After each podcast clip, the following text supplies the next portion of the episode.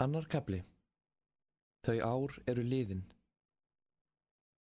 Svo líkja skíin hinn bláa heiminn bernskunar og skip heiðríkunar sjást ekki lengur. Hugbóð og draumar móðurinnar rættust, hún lést af barsförum. Frásögn ugga af þeim atbörði er átakanleg og þunga með því alls verksins. Nú er hinnum létta og glada leik minningana lokið og snaklega skiptur um svið. Örvæntingin heldtekur ugga, allt verður erfitt og þungt, mótstætt og ömurlegt. Hann vaknar um nótt við andvörp og stunur móður sinnar. Ég er gagntekinn sérstakri ángist. Mér er ljóst að hér er ekki hjálpar að vænta frá öðrum en Guði og ég ákalla hann af hjarta, góði Guð, ef móður mín á að deyja, lofaði mér þá að deyja líka. Eftir langa og erfiða baráttu fætti móður hans són og hættan virðist vera liðin hjá. Í fyrstu leit auki þennan nýja bróðu sinn hálgjörðu hortnöga. Þessi Sigbergur þarna, sem síðan ávist að verða prestur, en það vildi ég ekki verða það, hvað sem ég bóði væri. En hann tekur sig jafn skjótt á og ákveður að reynast þessum bróður sínum verulega góður. Og auki er nokkurt veginn vissum að þjáningar móður hans séu refsing fyrir slæmahægðun hans og ætla sér nú að reyna að bæta fyrir það allt. Aftur og aftur hafði ég stopnað lífi móður minnar í hættu með ógætnum hugsunum og aðtöfnum, en nú ætlaði ég líka að fara að snúa mér að því að gjör breyta hefðun minni. En allt kom fyrir ekki. Móðurinn þriskaðist ekki með eðlilegum hætti, heldur dró af henni uns ljóst varð hvert stemdi. Dagar liðu, seg langir dagar, hvergi var neina vittneski að fá, hvergi huggun, nema helst á kvolpinum geki.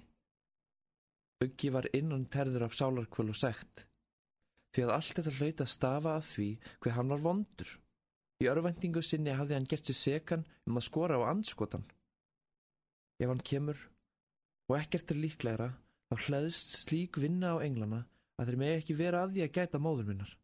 Og þá getur hún dáið af þjáningum sínum, þá það hefði alls ekki verið alvarlega áallun drottins í fyrstu, heldur aðeins vekja hjá okkur hotlan ótta. Svo eitt morgunin þegar Uggi vaknar, hefur hann hugbóðum að þið voðalega hefði gerst. Það var svo undarlega hljótt í bænum að ekki gatt einleikið verið og þegar bekkagamla rekur hærukoll sinn upp um loftslúkuna, skinnjar hann í einum svip hverskins er.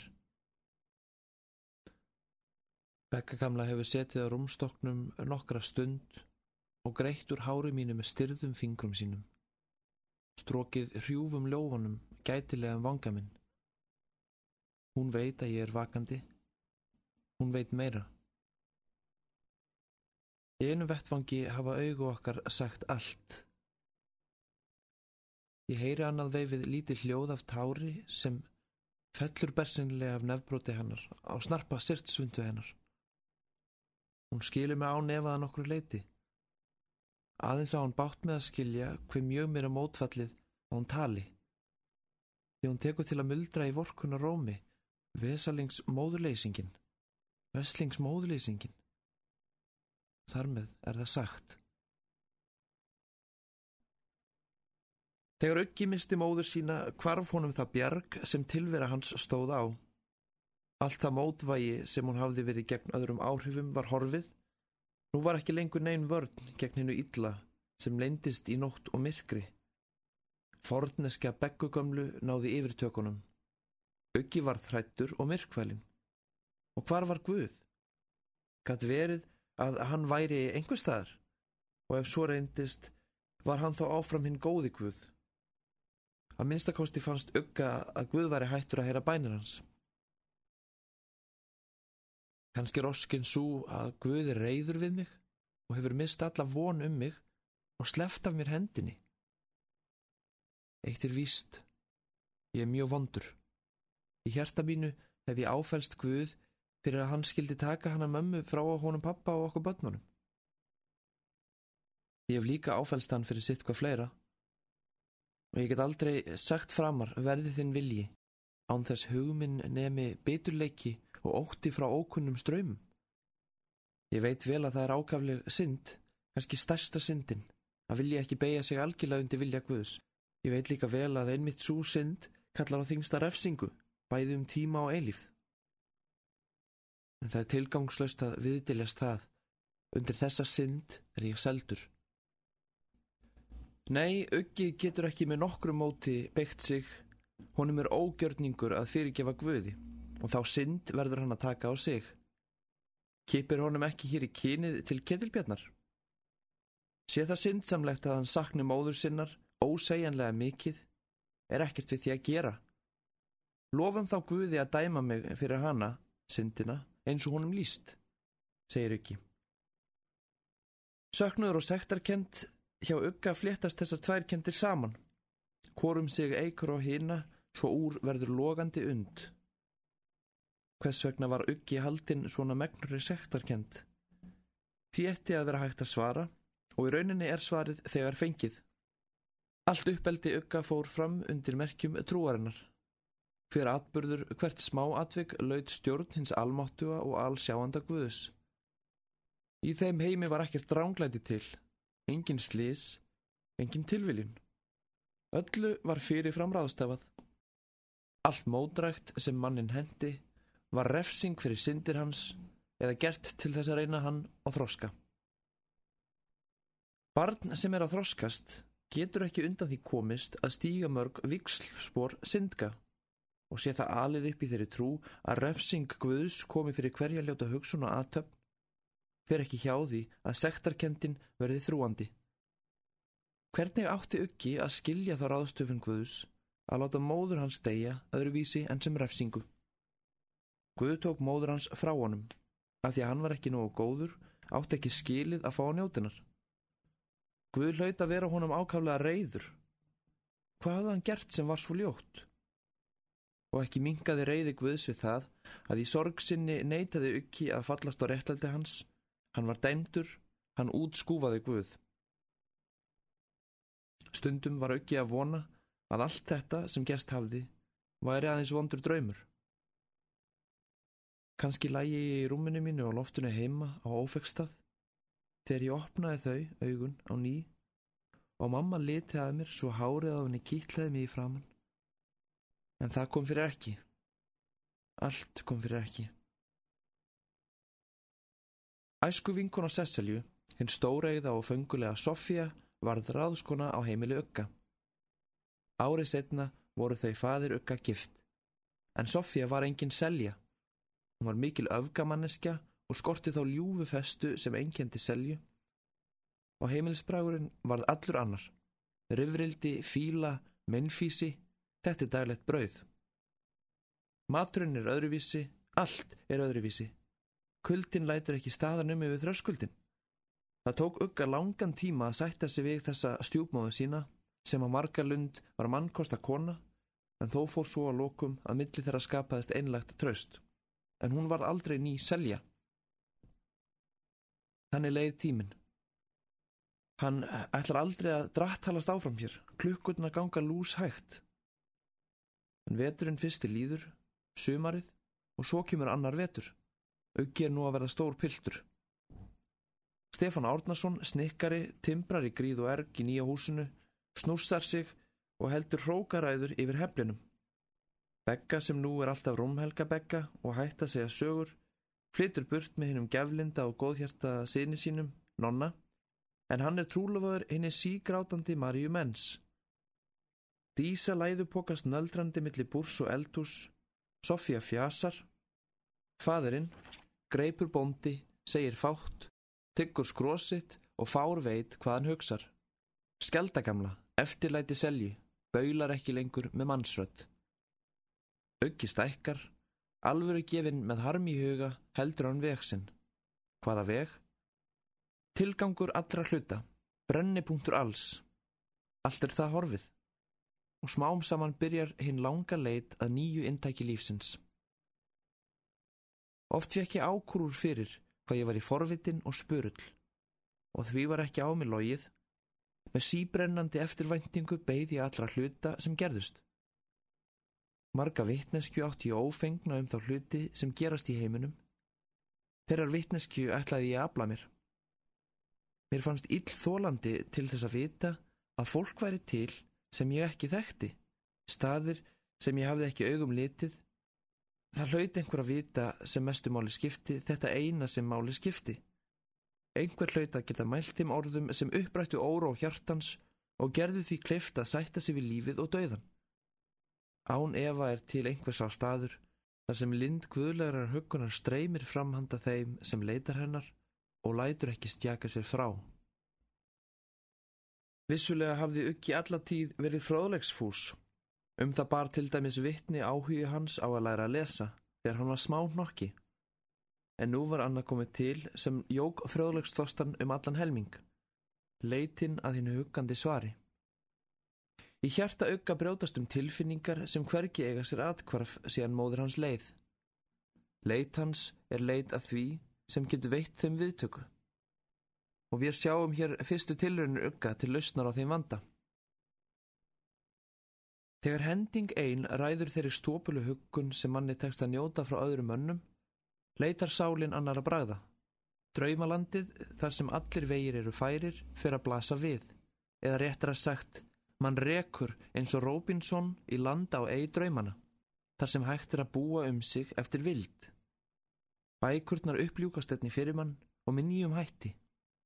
Ævintýra fjarlæð þeirra er orðin snar þáttur af hverstaslífi manns sjálfs. Maður lesa ekki lengur, maður al hverfur í bókina, lifir efni hennar, er sam þættur henni. Og manni lærist að meta gildi orðsins, hins vanhelgaða orðs. Gullnum ljóma tekur snögglega að slá af mætti hins fastmótaða, örlugabundna, óbifanlega orðs. Í bókum sem geima slík orð og í draumunum. Þar öðlast hlutirnir tilgang. Eftir dimviðri helþungrar sorgar er aftur orðið ratljóst. Róðlegsfísn ögga og hugarflug hefur vitið hans á ný, en með öðrum hætti. Það er honum nú leið úr örvæntingunni. Er honum kindill til nýrar vegferðar. Hér er komin hinn kníjandi innri þörf sem skapar örlög. Öggi hefur fundið leiðina til skaldskaparins. Á næstu árum fylgjum við honum skref fyrir skref. Hann var sem heillar af heimi bókana, bergnuminn af öllu sem stóð á prenti. Og lóks kemur að því að hann finnur skip sín aftur, þó að það sé annars konar syklingin áður, erfið og mörguð hinn í þungbaru reynslu. Um raun hafið blátt stefnir heiðarskip mitt. Það var svo sem ekki mikill vandið að byrja, en þegar átti að fara að bæta einhverju við um fjallanna æðandi brím, að skip mitt var í fleki einn mannaður skuggum og hafið sem ég sildi væri í raun réttri eilífðar vetrarins Ísaf. Það fór allt í hrærigraut fyrir mér. Ekkert fylgti standa í hljóðstafnum framar og mér tók að reka undan sjó og vindi. Skipreika rýmböglara. Skáldskapar nestinn kviknaði í henni erfiðureynslu sem hendi ugga ungan á árum. Á því er engin vafi. Hann átti upptök sín í innri baróttu. Langt fram eftir æfi endur spekluði yrkisefni Gunnars Gunnarssonar þessa betru lífsreynslu hans eða eins og Haldur Kiljan Lagsnes orðaði það í rítgerðum Gunnar Manni finnst einat að frum uppspretta alls lífstregans í höfendarskap ferli Gunnars sé þessi móðurmissir og að það sem hann elski í öðrum personum sé líking móður hans og endurminning. Það er ekki einstæmi um Gunnar eða ugga að rætur skaldskapar neyðar sé að rekja til harðrar innri baráttu, personlegs andströymis. Það er miklu fremur algild regla. Ekki er þörfa að vera frábærlega vel lesin í bókmyndum til þess að sannfærast um að svo er. Mart hefur einnig verið ritað um þau mál af fræðimennum. Til eru fjölmarkar bækur og ritgerðir þar sem samanburður er gerður á lífsreynslu höfunda og skaldskap þeirra og alltaf kemur greinilega í ljós hvernig reynslan hefur kynnt undir skaldkneiðinni. En það er annað en sem mörgum hefur gengið erfirlegar að skilja, engum eftir að sálarfræðið svo sem kendir við Freud er orðin mörgum kunn. Freud hjælti fram, og þeirri skoðun hefur ekki verið nekt, að undir rót taugaveiklunar, neurosis, væri innri baráta. Að veiklunin stafaði fá mótræri reynslu á bernsku árum sjúklingsins sem leiti til sálarrætna áreikstra, kompleksa og síðan til sjúkdómsengjana, þar sem flest bendir til þess að jarðvegur, taugaveiklunar og skaldnæðar sé einn og hinn sami, sálræn barátta, hafa margir freistast til að álekta að rögreitt framhald þessara kenningar væri að skáldneið og taugaveiklun væri í rauninni eitt og þið sama, sem sé að skáldin væru einn flokkur taugaveiklara. Vitaskuld er hér um ákaflega grunnfarna tólkun að ræða, sem engum er verulega þekkingu hefur á málunum dettur í huga halda fram. Hinn taugaveiklaði verður sjúkur vegna þar sem getur ekki leist úr hinnir innri flækju, finnur ekki leið út úr ógöngunum. Hann situr í viðjum. Skáldið er aftur á móti sá sem hefur fundið leiðina. Auðvitað eru einnig margar leiðir út úr henni innri baráttu en skáldskapur. Í stað þess að baráttan verði honum fjötur um fót, gerist hún liftistöng til nýra og frjóra lífs. Og það einsægi sem honum þar með byrtist í óendanlega dýft tilverunar, í þið samanlega, verður öðrum að gagni, hjálpar þeim til að finna sér sjálfa, finna leiðina úr andlegri kreppu. Skáldi er því ekki sjúklingur, hann er miklu fremur læknir sálarinnar fyrir alla þá sem kunnað að njóta andlegarar auðlegðar hans. En ef undirótt skáldskapar og taugaveiklunar er einn og hinn sama, hvað veldur þá því að sumir verða sjúkdómi að bráð, en öðrum verður úr því dýrmætur gimsteinn? Þótt ímsa kunnið að fýsa að heyra svar við þeirri spurningu verður ekki leist úr henni hér. Það, er, það myndi sprengja algjörlega ramma þessara rytgerðar, en það nóg fræðir að leita til. Hins vegar má aðtuga hvað helst gerði gæfimun ugga litla í þessum efnum. Uggi var að eðlisfæri hraustur og heilbriðu drengur. Allt þar til bóður hann stó, naut hann góðrar og áökjulusar bensku. Þegar hinn mikli harmur lístur hann, er hann komin yfir hinn viðkvæmistu ár bernskunar, vel búinn að andlegum þrótti. Hann er auk þess mjög vel gefinn og leiðin í draumalandið er honum ekki algjörlega ókunn. Látmóður hans er einstakur atbyrður en ekki endurtekning á öðrum þungbæra matvikum. Það er skyndilegt áfall, en ekki margþætt atbyrðarflétta eða áralangt andlegt álag. Allt þetta hefur stuðlað að því að Uggi var nægilega sterkur til þess að brotna ekki undir þunga örlagana. Hann brotnaði ekki, heldur öðlaðist hann mikla styrk í glímunni við sjálfan sig að framar gæti ekkert orðið honum að grandi. En enda þótt Uggi væri haldinn sterkri lestrarþörf, var í alæta á bækur og bæri við að skálda Er allsendis óvíst hvað myndi hafa orðið ef skáldgiðjan hefði ekki tekið hann í skóla sinn og agað hann hart, árum saman. Þegar augum er rent yfir unglingsárugga er ekki hægt annað en undrast hversu allt verðist beinleins hafa stemt ragleiðis að því að gera hann að miklu skáldi. Eins og áður er getið var fyrirhugað að uggi gengi mentavegin og sjálfur þráði hann ekkert heitar. Hinn mikli lærdómsáhugi hans og frábæra næmi þegar í barnaskóla gaf einni fyrirheitum að það myndi verða honum auðvelt mjög. Það næri ekki nokkura átt annað en hann uggi fá að læra, sagði Sofía alveg afdráttarlaust.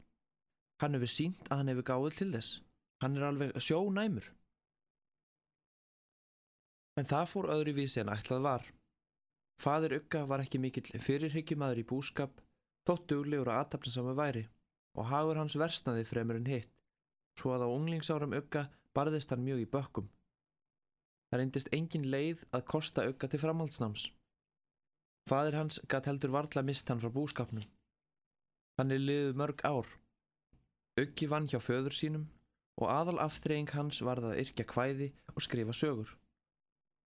Smásögur, fremur ósannilegar að efni, skoplegi í einum þætti á samt fjölda sögulegar að ljóða og spakviskur nóðs sem var svo æðrufullt að ég greti verið sjálfur. Ég hafði ekkert sérstakt í hyggju með þessu endalusa rubbi. Það var eins og pennin heldi ósjálfrátt áfram að leita upp í hendunum á mér.